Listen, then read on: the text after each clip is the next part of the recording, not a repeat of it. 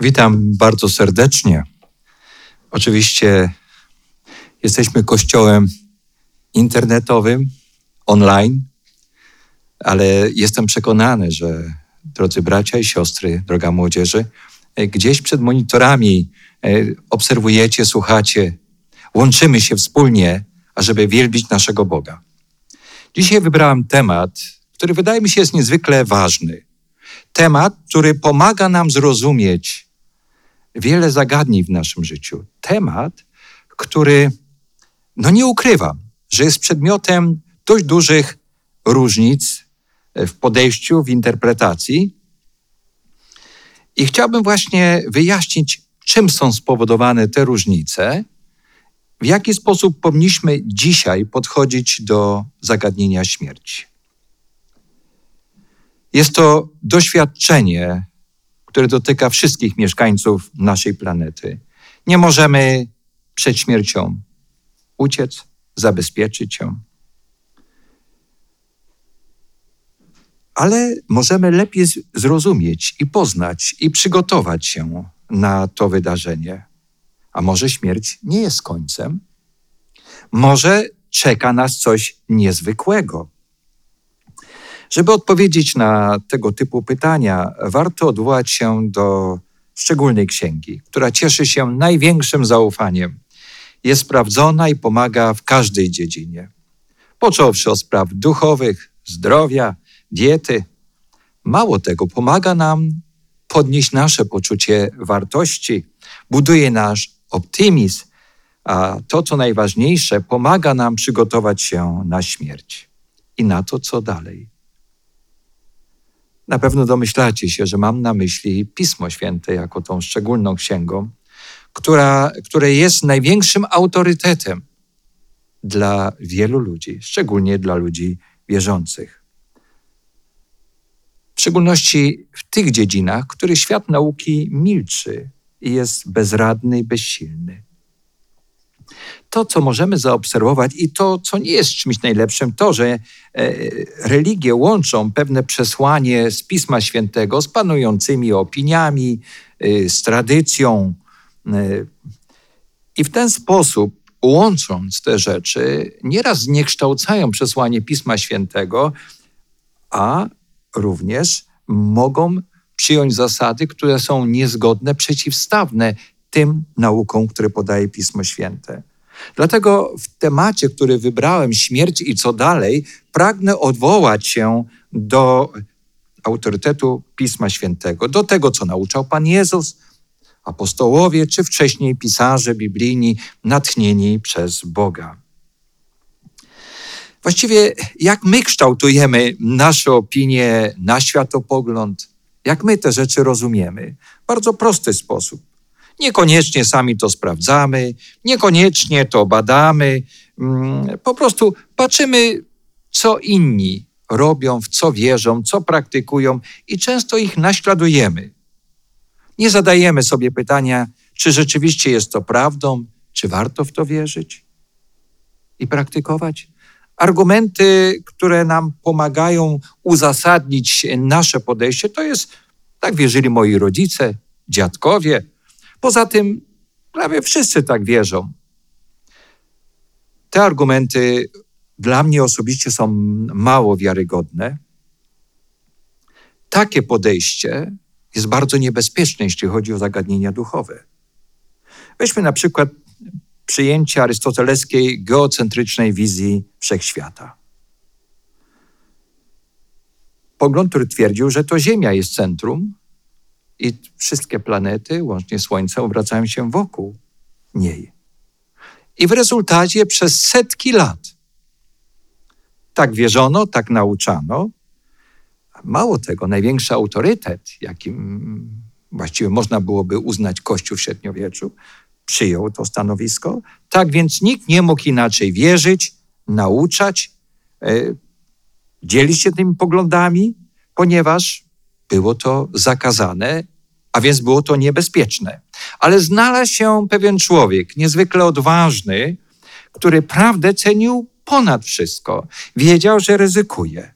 Ryzykuje swoim życiem, e, wiedział, że e, może nie osiągnąć tego, co zamierza. Niemniej jednak, domyślacie się, o kim myślę. O kim mówię? O Mikołaju Koperniku, który, korzystając z dokonanych badań i obserwacji, miał odwagę powiedzieć, że to nie jest tak. Arystoteles się mylił. Mimo, że największe autorytety cywilne czy kościelne e, groziły mu uwięzieniem czy nawet śmiercią. On jednak twierdził, że to Ziemia obraca się wokół Słońca. Dlaczego wobec tego wczesnochrześcijańscy teologowie przyjęli pogląd Arystotelesa? Okazuje się, że błędnie interpretowali Pismo Święte. Pewne wypowiedzi, które e, zostały podane przez nich, zostały interpretowane tak, żeby odpowiadały to filozofii, poglądom Arystotelesa.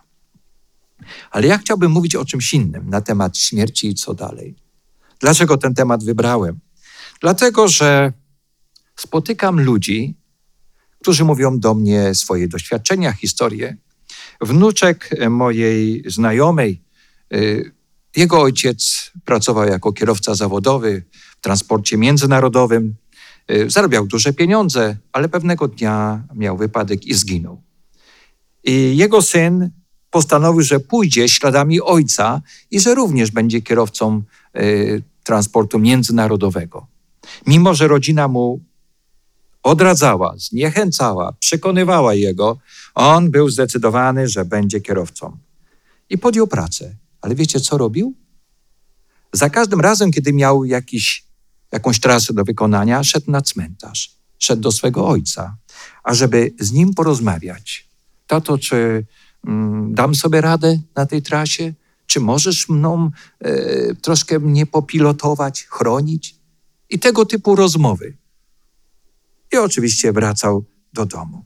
Rozmawiał w nim w taki sposób, jakby jego ojciec żył.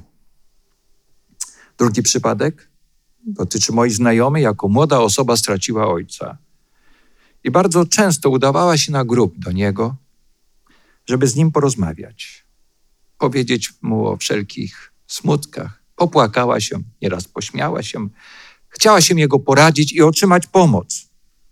Jestem przekonany, że to nie są odosobnione przypadki, że jest ich znacznie więcej. Nie zapomnę pewną panią, kiedy studiowałem z nią Pismo Święte e, i mówiliśmy właśnie na ten temat, co dzieje się z człowiekiem po śmierci. Powiedziała, ale pastorze, moja mama do mnie przychodzi, ja z nią rozmawiam. I był dylemat. Jak te rzeczy wyjaśnić? Z jednej strony mamy stanowisko Słowa Bożego, które jasno i wyraźnie mówi, a z drugiej strony doświadczenie tej osoby. I to doświadczenie dla niej było ważniejsze niż to, co naucza Słowo Boże, to, co mówi Pan Jezus. Ale chcąc lepiej zrozumieć to zagadnienie, musimy przyjąć bardzo ważne, bardzo ważne założenie. Bez tego założenia nie zrozumiemy zagadnienia śmierć i co dalej. Mianowicie, chciałbym zwrócić uwagę na istnienie poważnego konfliktu między dobrem i złem. Konfliktu, który istnieje we wszechświecie. Konfliktu, który jest największym konfliktem między Bogiem, siłami zła, szatanem. Pismo mówi o czymś realnym, mówiąc o tym konflikcie. Mało tego, nazywa go wielkim bojem. Przyjęcie tego konfliktu pomaga nam lepiej zrozumieć wiele wydarzeń, które dzieje się w świecie, ale wiele wydarzeń, które dzieją się w naszym życiu czy w życiu naszych bliskich. Mało tego, możemy lepiej zrozumieć pewne praktyki, które są stosowane, pewne wierzenia. Możemy lepiej zrozumieć, kto inspiruje nas lub innych do pewnych działań. Kiedy to zrozumiemy, że w tym świecie istnieją dwie potężne siły, oczywiście, gdy mówimy o Bogu, jest to Bóg wszechmogący, który jest ponad wszystkim, który tym wszystkim kieruje i decyduje, który ma nadrzędną moc. Tylko, że ten Bóg, ten niezwykły, wszechmogący Bóg, ma tak niesamowity charakter, że wprost my nawet nie jesteśmy w stanie tego ogarnąć.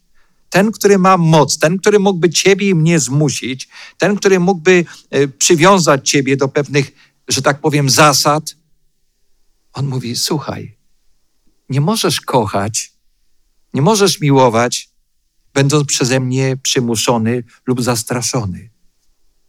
Ja daję tobie wolną wolę. Jesteś wolny. Ty podejmujesz decyzję. Chciałbym, żebyś wybrał to, co ja proponuję. To, co ja uważam, że jest najważniejsze. Ale druga moc zupełnie inaczej postępuje. Nie kieruje się żadnymi zasadami oprócz perfidii, kłamstwa, przemocy i pociąga za sobą wiele, wiele ludzi, szczególnie tych, którzy nie czytają Pisma Świętego, nie poznali Ewangelii, nauk Pana Jezusa i z przekonaniem powtarzają Jego kłamstwa, Jego zwiedzenia, będąc e, przekonani, że to rzeczywiście jest ta właściwa droga. Dlatego Pismo Święte mówi nam, że są dwie drogi życia. Od samego początku. Ta droga, która pochodzi od Boga, prawdziwa, jasna, klarowna. I druga droga, e, która, która jest prowadzona przez zwodziciela, e, który robi to bardzo umiejętnie, bardzo sprytnie, czyni ją niezwykle atrakcyjną. I ona jest bardzo popularna. Pan Jezus nazywa, że to jest szeroka droga, ale mówi, że ona prowadzi na zatracenie. I wielu ludzi idzie na nieszczęście tą drogą. I jest wąska droga, którą, która pochodzi od Boga. Tą drogą jest sam Pan Jezus, który pomaga nam każdego dnia posuwać się do przodu. Ta droga prowadzi do żywota wiecznego.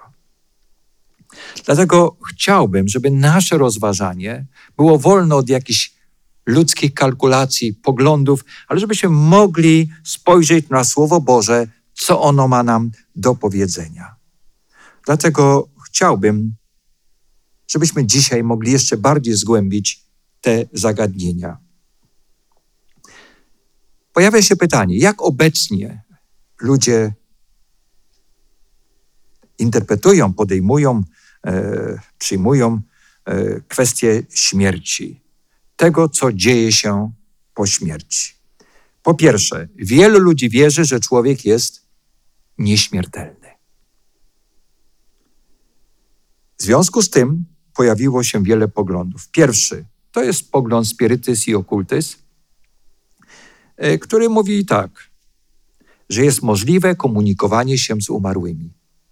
Dalej, że czasami, mówią, w warunkach niezrozumiałych dla nas możemy komunikować się z tymi, którzy odeszli.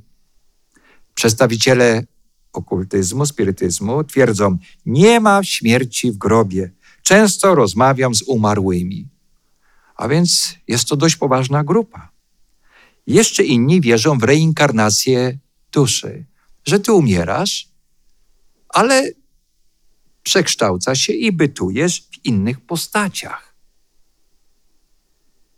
Jeszcze inni, i to jest bardziej pogląd już, że tak powiem, chrześcijański, niebiblijny, ko koniecznie, bardziej tradycyjny, to jest pogląd o piekle i czyśćcu. I ten pogląd, y, powiem tak, opiera się na pogańskiej doktrynie nieśmiertelności duszy. I ona istniała od samego początku. Mianowicie to właśnie ten pogląd o czyśćcu i piekle spowodował, że sporo osób stało się ateistami.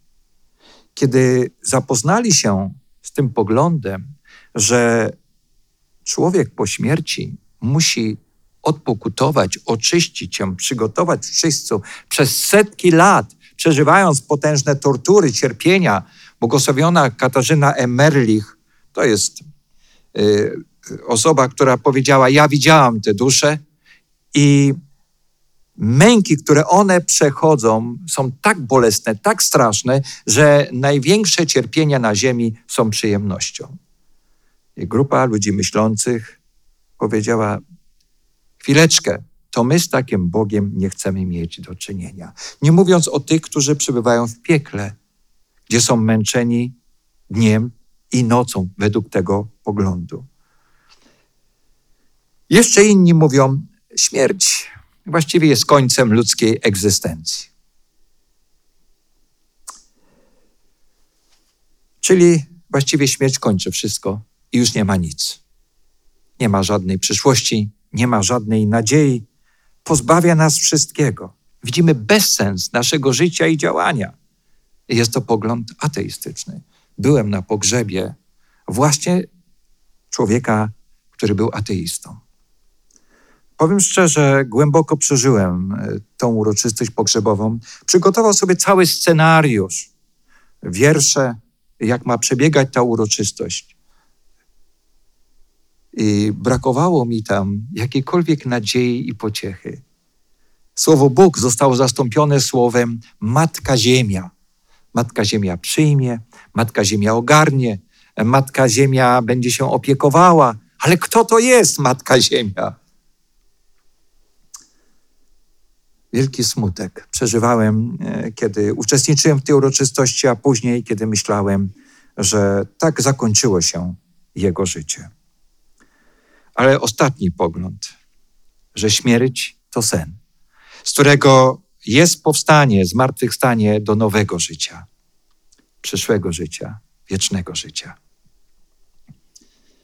Ten pogląd jest zgodny z nauczaniem Pana Jezusa i chciałbym troszeczkę więcej na ten temat powiedzieć. Skąd te wcześniejsze, te nieprawdziwe poglądy, że tak powiem, wypowiedziane czy wyrażone, e, z wyjątkiem tego ostatniego, się biorą? Z Księgi Rodzaju, z trzeciego rozdziału i tam wiersz czwarty. Wiecie, jakie zdanie tam jest zapisane? Na pewno nie umrzecie. Te słowa zostały wypowiedziane do naszych pierwszych rodziców w ogrodzie Eden przez twórcę kłamstwa i zła. Zbuntowanego anioła, który użył węża jako medium. Na pewno nie umrzecie. Żeby lepiej zrozumieć zagadnienie śmierci, warto zadać sobie pytanie, jak zaczęło się życie. Zanim zrozumiemy, czym jest śmierć, skąd się wzięła, musimy najpierw dowiedzieć się, czym jest życie i jak się ono zaczęło. Otóż czytamy w Piśmie Świętym, chociaż jesteśmy bombardowani teorią ewolucji, różnymi poglądami, to jednak dla nas jest ważne, co mówi Pismo Święte. I w Księdze Rodzaju, w drugim rozdziale, wierszu siódmym czytamy, ukształtował Pan Bóg człowieka z prochu ziemi i tchnął w nozdrza jego dech życia. Inaczej powiedziawszy, pierwiastek życia, tchnienie życia. Oto prostych, kilku zdaniach Bóg odpowiada na pytanie o pochodzeniu życia, zadawane przez tysięcy, przez ludzi od tysięcy lat. A więc życie jest bezpośrednim darem Bożym. Skoro było dane człowiekowi, w jaki sposób ono może być podtrzymywane. Czy człowiek sam stał się dla siebie źródłem życia, niezależnym od Boga? I czytamy w Księdze Rodzaju, w drugim rozdziale, wierszu dziewiątym, że było tam pewne źródło, czy był pewien środek, drzewo życia w środku ogrodu. To drzewo życia było takim symbolem zupełnej i nieustannej zależności człowieka od Boga. Było przypomnieniem, że człowiek nie ma życia sam w sobie. Nie jest z natury nieśmiertelny. Jego życie jest uwarunkowane związkiem z Bogiem, wyrażone przez posłuszeństwo. Gdy zabrano mu dostęp do drzewa życia, istnienie człowieka musiało nieuchronnie ustać. To tak troszkę wygląda, gdy mój syn był małym chłopcem. Kupiłem mu samochodzik, który miał napęd na baterię. Bawił się nim, był zadowolony, ale w pewnym momencie samochodzik przestał się poruszać. Mówi, tatusiu, co się stało? Oczywiście baterie się wyczerpały. Trzeba było wymienić. My nie mamy życia sami w sobie. Często o tym zapominamy, że ono jest darem.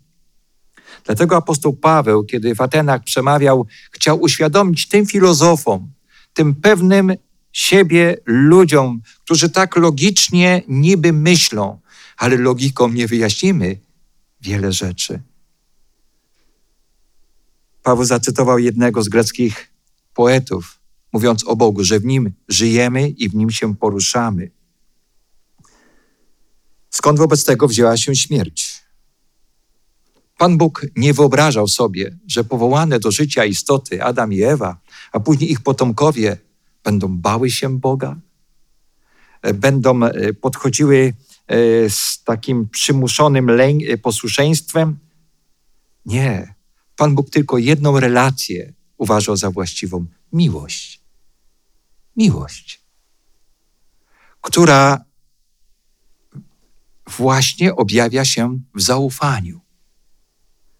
Wzajemnym zaufaniu i wypełnianiu pewnych wzajemnych obowiązków. Możemy to też nazwać posłuszeństwem. I Pan Bóg, chcąc Adama i Ewę związać z sobą, chcąc powierzyć im panowanie nad tą planetą, kierowanie tą planetą, chciał ich przygotować na szczególne niebezpieczeństwa, które będą. Wiedział o tym i drugiej sile, o tym wielkim konflikcie między Bogiem a szatanem, tym zbuntowanym aniołem. E, chciał im pomóc, ale żeby mogli być gotowi, żeby mogli stawić czoła tym pokusom, tym wyzwaniom. On, Adam, Ewa i ich potomkowie musieli najpierw sami w sposób zdecydowany stawić czoła, powiedzieć nie w sprawach, wydawałoby się niezbyt poważnych. No bo właściwie w jaki sposób y, miał być Adam z Ewą kuszony? Które przykazanie nie cudzołóż? Chwileczkę, była tylko jedna kobieta. Nie kradnij, no ale komu miał Adam ukraść? Prawda? To wszystko należało do nich. Nie obmawiaj, e, no ale kogo miał obmawiać? Czci ojca i matkę, no ale kogo miał otoczyć opieką? A więc tylko jedno rozwiązanie na bazie pełnego zaufania Panu Bogu. To znaczy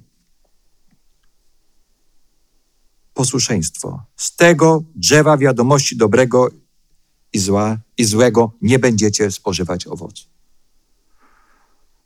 Oczywiście przyjęli to Boże przesłanie, ale pewnego dnia, gdy Bóg zdecydowanie im powiedział: Z drzewa poznania dobra i zła nie wolno ci jeść, bo gdy tylko z niego zjesz, na pewno umrzesz. Jest to pierwsza biblijna wzmianka o śmierci. Boże ostrzeżenie o śmierci było chyba dość tajemnicze dla Adama i Ewy. Znali świat, którym tylko było życie. I nagle po jakimś czasie usłyszeli drugą wypowiedź. Na pewno nie umrzecie. Szatan sprzeciwił się Bożemu ostrzeżeniu. Podobnie w naszym życiu mamy dwa źródła informacji, które wskazują nam na różne sposoby życia i postępowania.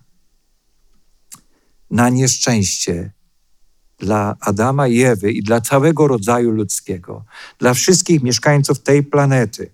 Człowiek uwierzył kłamstwu szatana i przestał dalej ufać Bogu i w ten sposób wypowiedział posłuszeństwo Bogu.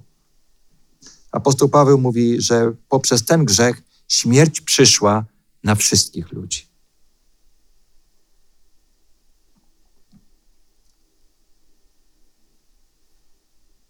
A więc często ludzie, którzy chcą e, przekonać, że jest życie po śmierci, nie biorą pod uwagę słów, które wypowiedział Pan Bóg na samym początku, który powiadomił, jednocześnie ostrzegł pierwszych mieszkańców naszej planety, mówiąc, że gdy zjecie z drzewa wiadomości dobrego, e, z, e, z wiadomości dobra i zła, umrzecie. Na pewno umrzecie. Pomimo tych wyraźnych faktów, które mówią, co Bóg powiedział, wielu ludzi kwestionuje, wielu ludzi wierzy, że człowiek, nawet będąc grzesznym, jest z natury nieśmiertelny, lub przynajmniej pewna jego część nigdy nie umrze. Ten pogląd jest głównym korzeniem zamieszania w kwestii pojmowania życia, śmierci i nieśmiertelności. Ale wiecie, ten problem by nigdy nie powstał, gdyby ludzie doczytali końcowe wiersze trzeciego rozdziału y, właśnie Księgi Rodzaju, gdzie jest wyraźnie powiedziane, że do Adama i Ewy, że umrzesz, wrócisz do ziemi. Ciekawe sprawozdanie jest. Gdy będziemy mieli czas, bardzo proszę o odczytanie. Te ostatnie kilka zdań Księdze Rodzaju nie pozostawia cienia wątpliwości, że Pan Bóg mówi, że człowiek jest istotą śmiertelną. Grzech odebrał człowiekowi dostęp do drzewa życia. Ten fakt uniemożliwia nieśmiertelność grzesznika. Wobec tego, co działo się, czy co dzieje się z duszą, która co dzieje się z duszą, gdy człowiek umiera.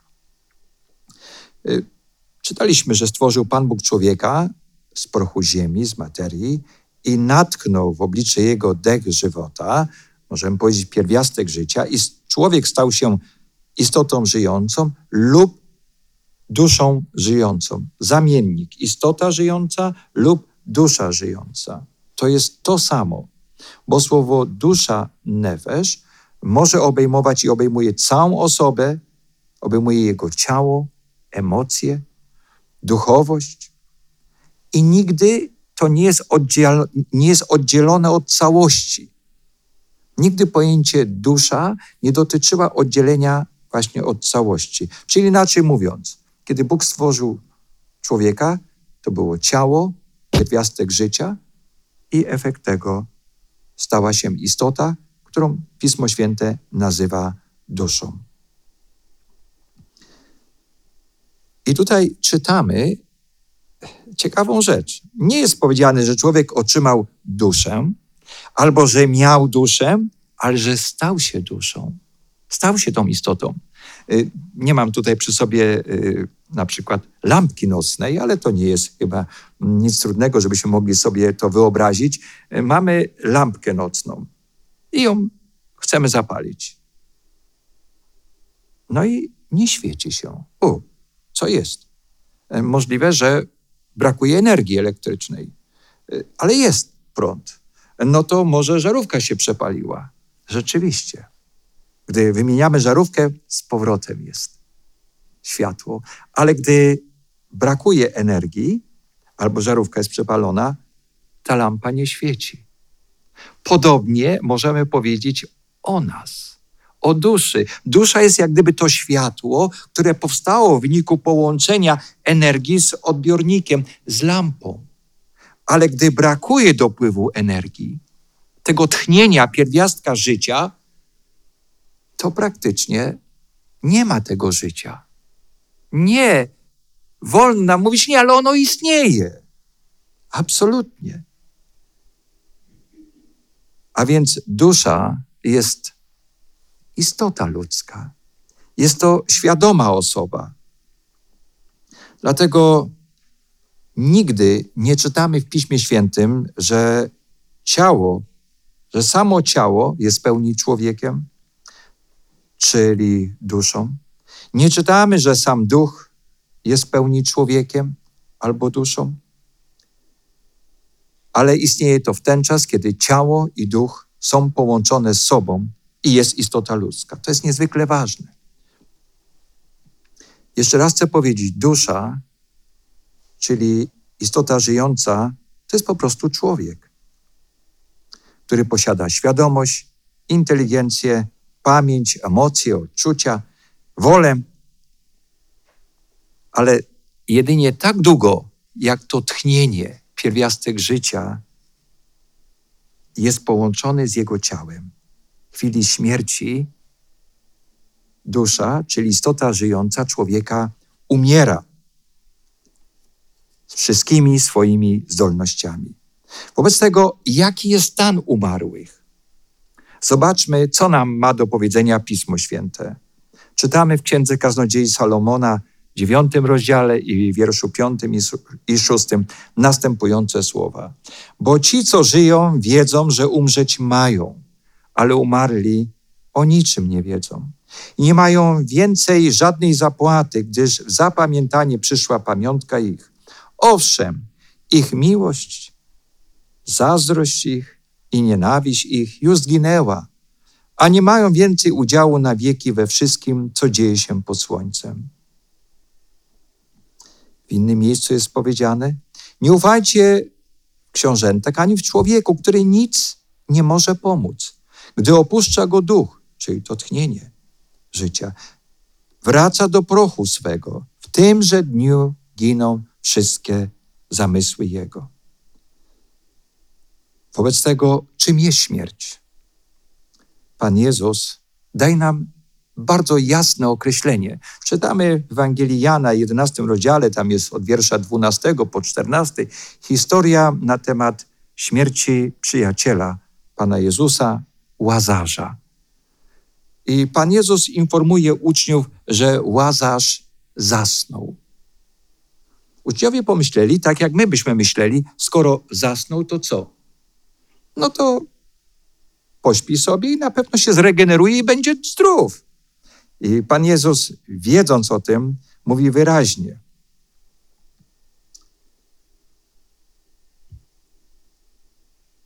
Łazarz umarł. Łazarz umarł. Najpierw Pan Jezus mówi, nasz przyjaciel Łazarz zasnął, idę go obudzić ze snu, a później jasno i wyraźnie podkreśla, co miał na myśli. Miał na myśli, że śmierć jest snem że śmierć jest snem. Dlatego powiedział, Łazarz umarł. Biblia określa właśnie w taki sposób śmierć. 53 razy w Biblii śmierć jest porównana do głębokiego snu. Takiego, że nie wiemy, co się dzieje z nami, nie wiemy właściwie, na czym to polega. Wobec tego, czy można komunikować się z umarłymi? Zobaczmy, co Pismo Święte na ten temat mówi nam. Przeczytaliśmy już, umarli niczego nie wiedzą. W krainie umarłych, do której idziesz, nie ma działania ani zmysłów, ani poznania, ani mądrości. W krainie umarłych, psalm 6, wiersz 6 mówi, któż się wysławiać będzie Boże. Psalm 115, wiersz 17 mówi wyraźnie, umarli nie będą chwalili Pana. A więc możemy wobec tego powiedzieć, że z chwilą śmierci zupełnie ustanie świadomość i osobowość. I jest to stan snu, sen śmierci. Ale Pismo Święte mówi o przebudzeniu, dlatego używa tego określenia e, na śmierć. Chcąc dać nam pewną nadzieję. Chcąc nas pocieszyć, kiedy tracimy bliskich, tych, których kochamy i nagle odchodzą. Nie, Panie Boże, ja sobie nie poradzę. Nie, Bóg mówi, to jest sen. Nie załamuj się. Ja będę z Tobą. To jest tylko sen. Sądzę, że jest to najlepsze, najbardziej proste, a jakże pocieszające wyjaśnienie natury śmierci. Jaki jest stan człowieka po śmierci? Umarli o niczym nie wiedzą. Nie powinniśmy się pytać ich o przyszłość, ponieważ oni o niczym nie wiedzą. Słowo Boże nam mówi słowa Joba, iż wkrótce nie ujrzy mnie oko tego, który mnie widzi. Twoje oczy zwrócą się ku mnie, ale mnie nie będzie. Jak obłok się rozchodzi, znika, tak nie wraca ten, kto stąpił do krainy umarłych. Nigdy już nie wróci do swego domu, a miejsce jego zamieszkania nie będzie, nie wie już nic o nim. Skoro umarli są nieświadomi, to właściwie możemy autorytatywnie powiedzieć, w oparciu o Słowo Boże, nie ma możliwości się z nimi porozumiewania. Czyli jaki stan człowieka po śmierci? Umarli o niczym nie wiedzą, mówi nam Słowo Boże. Po drugie, umarli nie wrócą do swych domów. I po trzecie, umarli nie będą chwalić Boga, ani o nim pamiętać. Pomimo tego, że jest takie stanowisko Słowa Bożego, ludzie próbują kontaktować się z zmarłymi. My mamy opis w Piśmie Świętym niejakiego króla Saula, króla izraelskiego, który wiedział, jaka jest Boża wola. Wiedział, że nie powinien kontaktować się z umarłymi. Ba, sam usunął z Izraela wszystkich tych, którzy zajmowali się właśnie mm, tymi, tą profesją. Było to medium spirytystyczne, e, okultyzm, którzy próbowali e, kontaktować się z umarłymi. Ale kiedy Bóg nie odpowiadał temu królowi, który odstąpił od Boga, który poszedł drogą odstępstwa, on udał się do Endor, do medium spirytystycznego wróżki, jest to tak opisane, i tam pytał się, jaka go czeka przeszłość. Chciał rozmawiać z prorokiem Samuelem, który już zmarł. No i ta kobieta wywołała pewną istotę, która była podobna do Samuela. Ba, ona nawet przepowiedziała, co spotka za niedługo króla Saula i jego rodzinę. Ale to nie był prorok Samuel. Ona sama powiedziała: Widzę nadludzką istotę. Kto to był? Chociaż Biblia nam mówi, że szatan potrafi przybierać różne kształty, łącznie z aniołem światłości. No to jak? Czy on zna przyszłość? Nie, on nie zna przyszłości. Bóg jedynie zna przyszłość. Ale on ma możliwość pewnych połączeń, dedukcji, połączenia pewnych rzeczy, albo nawet może kierować ludźmi, którzy się jemu już całkowicie poddali. Tak jak to zrobił Saul. Pójściem do medium spirytystycznego, radzeniem się z osobami zmarłymi, król Saul nie tylko, że stracił życie, ale przekreślił szansę na życie wieczne. I to jest dla nas ostrzeżeniem. Umarli nie idą do nieba. Dlatego pamiętajmy, że człowiek umiera, ale jego dusza nie jest nieśmiertelna. Wiecie, skąd ten pogląd się pojawił w chrześcijaństwie? To nie jest nic nowego. Był w starożytnej Grecji. Sokrates, ale przede wszystkim rozwinął to Platon, który yy, yy, nie tylko mówił o duszy, ale mówił o jej bycie. I kiedy myślimy, w jaki sposób yy, pewne kościoły to przyjęły, chrześcijańskie, to tak jak gdyby skopiowane została filozofia, poglądy Platona i wdrożone przez wczesnych ojców Kościoła, teologów, takich jak Orygenes, Augustyn czy Tomasz Zakwinu. Co idzie za tym? Już w roku 593 papież Grzegorz I poszedł za pogańską tradycją i zaczął uczyć o czyśćcu. Miejscu, gdzie zmarli mogą odkupić swe grzechy swoim cierpieniem lub ofiarami składanymi w ich imieniu przez żywych. A w roku 400, 1439, było to na Soborze Florencji, Sobór ten uchwalił, że można nabyć zbawienie przez ofiary i cierpienia w w czyśćcu. Prawda, że dziwne to? Skoro Pismo Święte nic nie mówi na temat istnienia czyśćca, skoro Pismo Święte podaje nam, że jest tylko jeden sposób uzyskania przebaczenia naszych grzechów, to jest ofiara Pana Jezusa, która została poniesiona za każdego człowieka.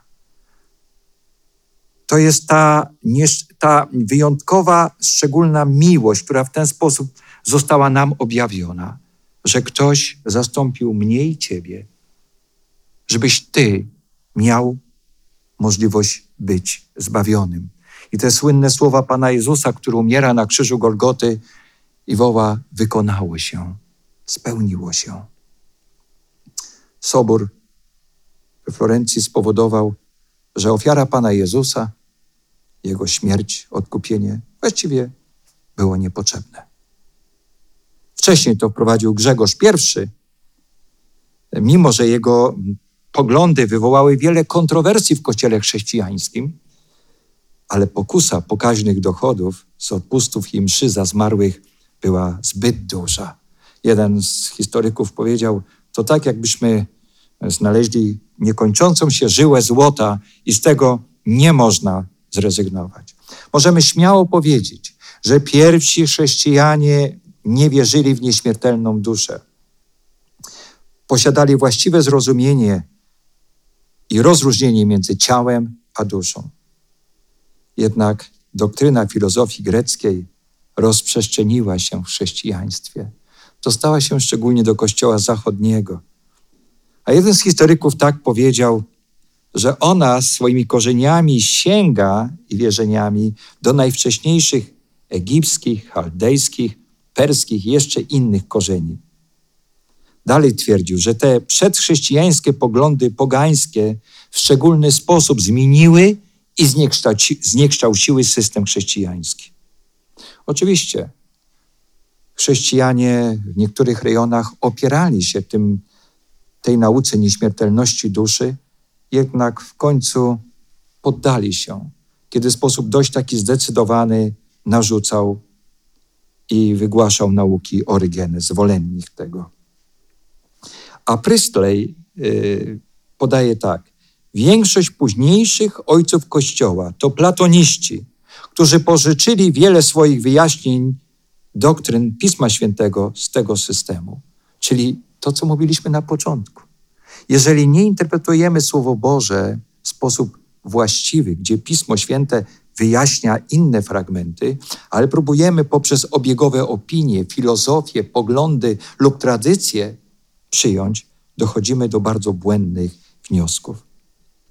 I dalej on podaje tak. W ten sposób platoński dualizm przeniknął do średniowiecznego kościoła, czego skutkiem była doktryna czysta, która została zbudowana na fundamencie nieśmiertelnej duszy i ostatecznie zdominowała średniowieczną eschatologię. Teraz pojawia się pytanie, dlaczego apostoł Paweł nie bał się śmierci?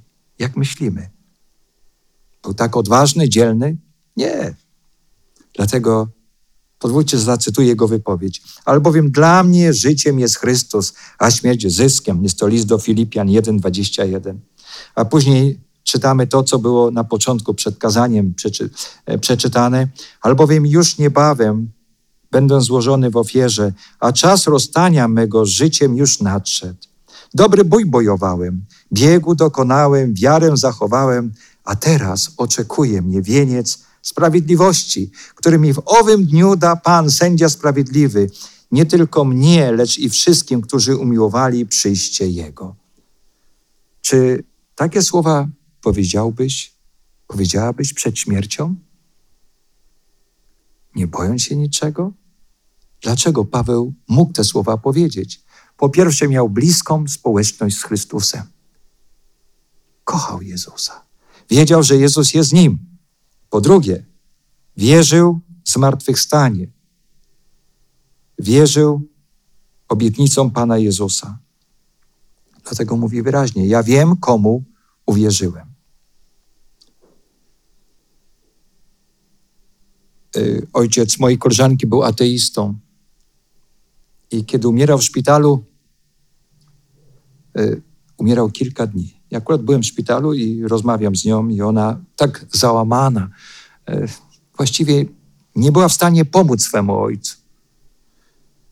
I później mówi, wiesz, ojciec nie może umrzeć, bo cała jego filozofia życia rozpadła się jak domek z kart. Nie ma nic. Chciałby coś zmienić, ale czuje, że już nie ma sił. Chciałby coś nowego wprowadzić, ale jest bezsilny i bezradny. Rozpłakała się.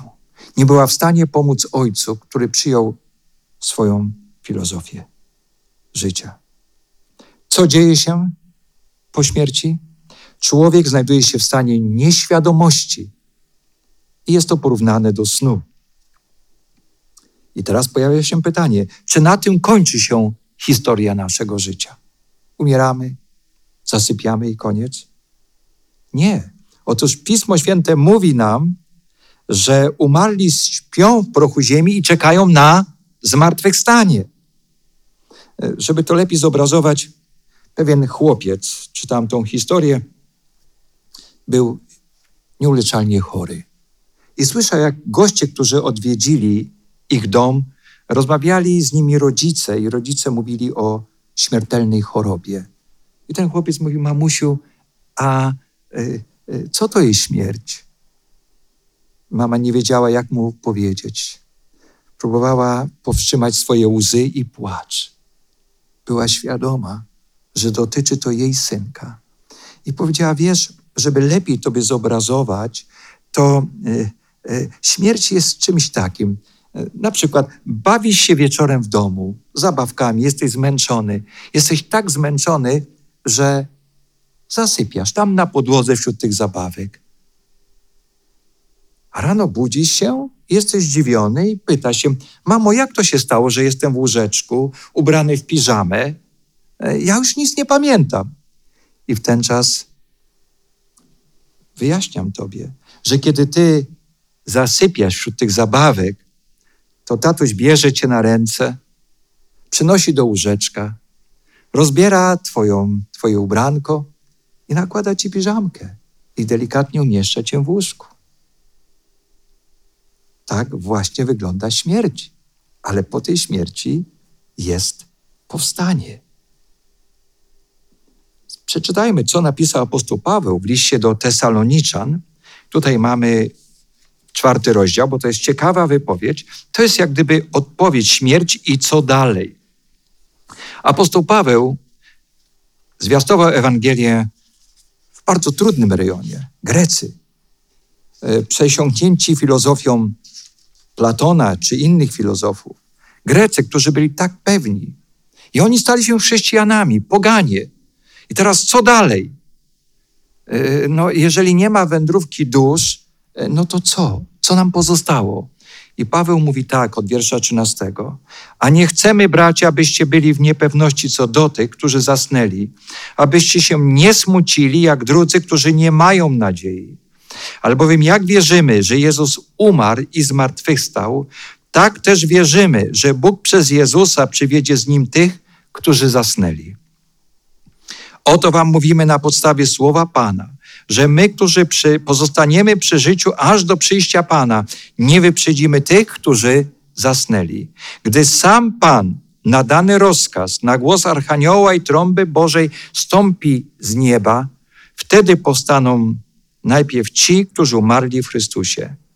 Potem my, którzy pozostaniemy przy życiu, razem z nimi porwani będziemy w obłokach, powietrze, na spotkanie Pana i tak zawsze będziemy z Panem. Przeto pocieszajcie się nawzajem tymi słowy. Jest to niezwykłe przesłanie. Apostoł Paweł to przesłanie kieruje nie tylko do wierzących w Tesalonikach. On kieruje dzisiaj do wierzących, żyjących w XXI wieku. Do ludzi, którzy kochają Jezusa, którzy ufają Jego Słowu, dla których Słowo Pana Jezusa jest autorytetem, jest prawdą, jest coś niezmiennego. Nigdy Jezus nie dał powodów, żebyśmy wątpili Jego Słowo. W pewnej rodzinie zmarła mała dziewczynka. Ojciec był ateistą, niewierzącym. Matka była chrześcijanką, była adwentystką dnia siódmego, a więc wierzyła w zmartwychwstanie. Są w kaplicy cmentarnej, trumna jest otwarta, a za chwilę e, ma być zamknięta. Podchodzi ojciec, szlocha, wyrywa włosy z głowy, krzycząc: Żegnaj na zawsze, kochanie. Do widzenia na, na zawsze. Potężny ból. Gdy się tak patrzyło na tego człowieka, można było przeżywać z nim też ten smutek. Za chwilę podchodzi matka chrześcijanka, która ma potężny ból. Przecież nosiła to dziecko w swoim łonie. Urodziła, cieszyła się z swojej córeczki. Utraciła ją. Ale ona inaczej się zachowuje. Mimo tego smutku, mimo tego bólu, ona zna przesłanie Pana Jezusa, zna tą najpiękniejszą nadzieję. I mówi: Do zobaczenia w poranku zmartwychwstania. Do zobaczenia, do spotkania ponownego. To jest ta różnica, że nawet w obliczu śmierci ty, jako chrześcijanin, inaczej do tego podchodzisz. Nawet gdy masz ból i smutek, to możesz z nadzieją oczekiwać właśnie przyjścia Pana Jezusa. Apostoł Jan przy końcu Pisma Świętego właśnie w 21 rozdziale opisuje nam ten przyszły świat. Ten świat, za którym osobiście tęsknię. Nie wiem jak ty, nie wiem jak wy, drodzy, ale ja tęsknię za tym światem. Tym światem, który jest tak realny, jak to, że ty i ja dzisiaj żyjemy. Ten świat, który jest prawdziwy, bo nasz Bóg powiedział. U niego słowo tak jest tak. Apostoł Jan widział na wyspie Patmos ten nowy świat, ten świat utracony, który Adam z Ewą przez nieposłuszeństwo utracili. Ten świat, który Bóg nam oddaje z powrotem. I w 21 rozdziale czytamy i widziałem nowe niebo i nową ziemię, albowiem pierwsze niebo i pierwsza rzecz, ziemia przeminęły i morza już nie ma. I widziałem miasto święte, nowe Jeruzalem, stępujące z nieba od Boga, przygotowane jak przyozdobiona oblubienica dla męża swego. I usłyszałam donośny głos tronu mówiący: Oto przybytek Boga między ludźmi i będzie mieszkał z nimi. Przepiękna obietnica, zapewnienie, że Bóg będzie mieszkał razem z nami, a oni będą Jego ludem, a sam Bóg będzie z nimi. Ale wiersz czwarty jest niezwykły. Wiecie, czego nie będziemy musieli nosić w przyszłym świecie, nowym świecie? Chusteczek. Czy jest ktoś w naszym gronie, kto nigdy nie płakał? Nie dlatego, że mu coś do oka wpadło, ale dlatego, że przeżył potężny smutek, ból. Chyba każdy. A tutaj jest zapewnienie. Apostoł Jan podaje to, co Bóg mu pokazał i powiedział. I otrze wszelką łzę z oczu ich. I śmierci już nie będzie, ani smutku, ani krzyku, ani mozołu już nie będzie, albowiem pierwsze rzeczy przeminęły. Prawda, że piękny świat, piękne zapewnienie? Ale chciałbym postawić pytanie: co z tego, że jest taki świat przygotowany? Co z tego, że Pan Jezus jest gotowy Ciebie przyjąć i powitać? Ty musisz odpowiedzieć sobie na to pytanie jeszcze wcześniejsze czy ja się tam znajdę? Czy rzeczywiście jestem tym zainteresowany dzisiaj? Czy moje życie, moja filozofia, moja ideologia uwzględnia to?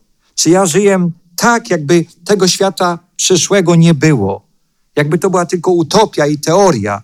Tutaj jak najwięcej muszę zdobyć, więcej i więcej, w sposób nieuczciwy, to nieważne, w taki czy inny osiągnąć zapominając, że pewnego dnia to wszystko zostawię. Czy znajdziemy się? Tak. To jest zależne od Twojej decyzji, jaką podejmiesz dzisiaj, może w tej chwili. Może Duch Święty puka do Twojego serca i mówi: Synu, córko, jak żyjesz? Są pewne rzeczy, które powinieneś, powinnaś zmienić, naprawić? Są pewne rzeczy niewłaściwe w Twoim życiu? Usuń je. Ja pomogę Tobie to wszystko zmienić. Ja mam moc. Ja zmieniłem życie wielu ludzi. Zmieniłem życie apostoła Piotra. Zmieniłem życie apostoła Jana, który był synem gromu, ambitnym, pewnym siebie, gniewu. Ja mogę Twoje życie zmienić. Ja chcę, żebyś Ty był. Ale pozwólcie, że nie mogę dokończyć czy zakończyć kazania, jeżeli nie powiem, kto ma nieśmiertelność. Otwórzmy Pismo Święte i tam pierwszym liście do Tymoteusza, szóstym rozdziale, w wierszu 15 i 16 jest powiedziane: Jedyny, który ma nieśmiertelność, który mieszka w światłości niedostępnej, którego nikt z ludzi nie widział i widzieć nie może, jemu niech będzie cześć i moc wieczna. Amen. Kto jedynie ma nieśmiertelność? Pan Bóg. Żaden człowiek, choćby był najlepszy, najbardziej sprawiedliwy.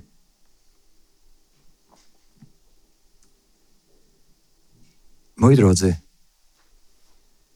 Pan Jezus pragnie dzisiaj zapewnić nas, że chce przyjść i chce zmienić nasze życie, przygotować nas do tego przyszłego świata. Dlatego Ewangeliana w 14 rozdziale mówi: Niechaj się nie trwoży serce wasze.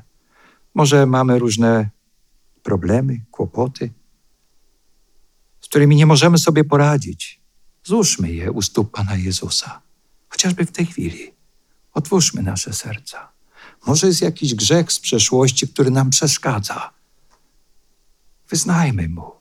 On czeka na to. On chce to wszystko zmienić, naprawić. Chce pomóc Tobie. A później mówi, że idzie właśnie tam, do tego domu Ojca, gdzie chce przygotować miejsce dla Ciebie i dla mnie. I zapewnia nas, że kiedy przygotuje, to powróci. Bo chce, żebyś Ty był, żebym ja był, żeby każdy człowiek mógł być uratowany. To jest wspaniałe zaproszenie. Skorzystajmy z niego. Co odpowiemy? Amen. Panie Jezu, chcemy być blisko Ciebie. Amen.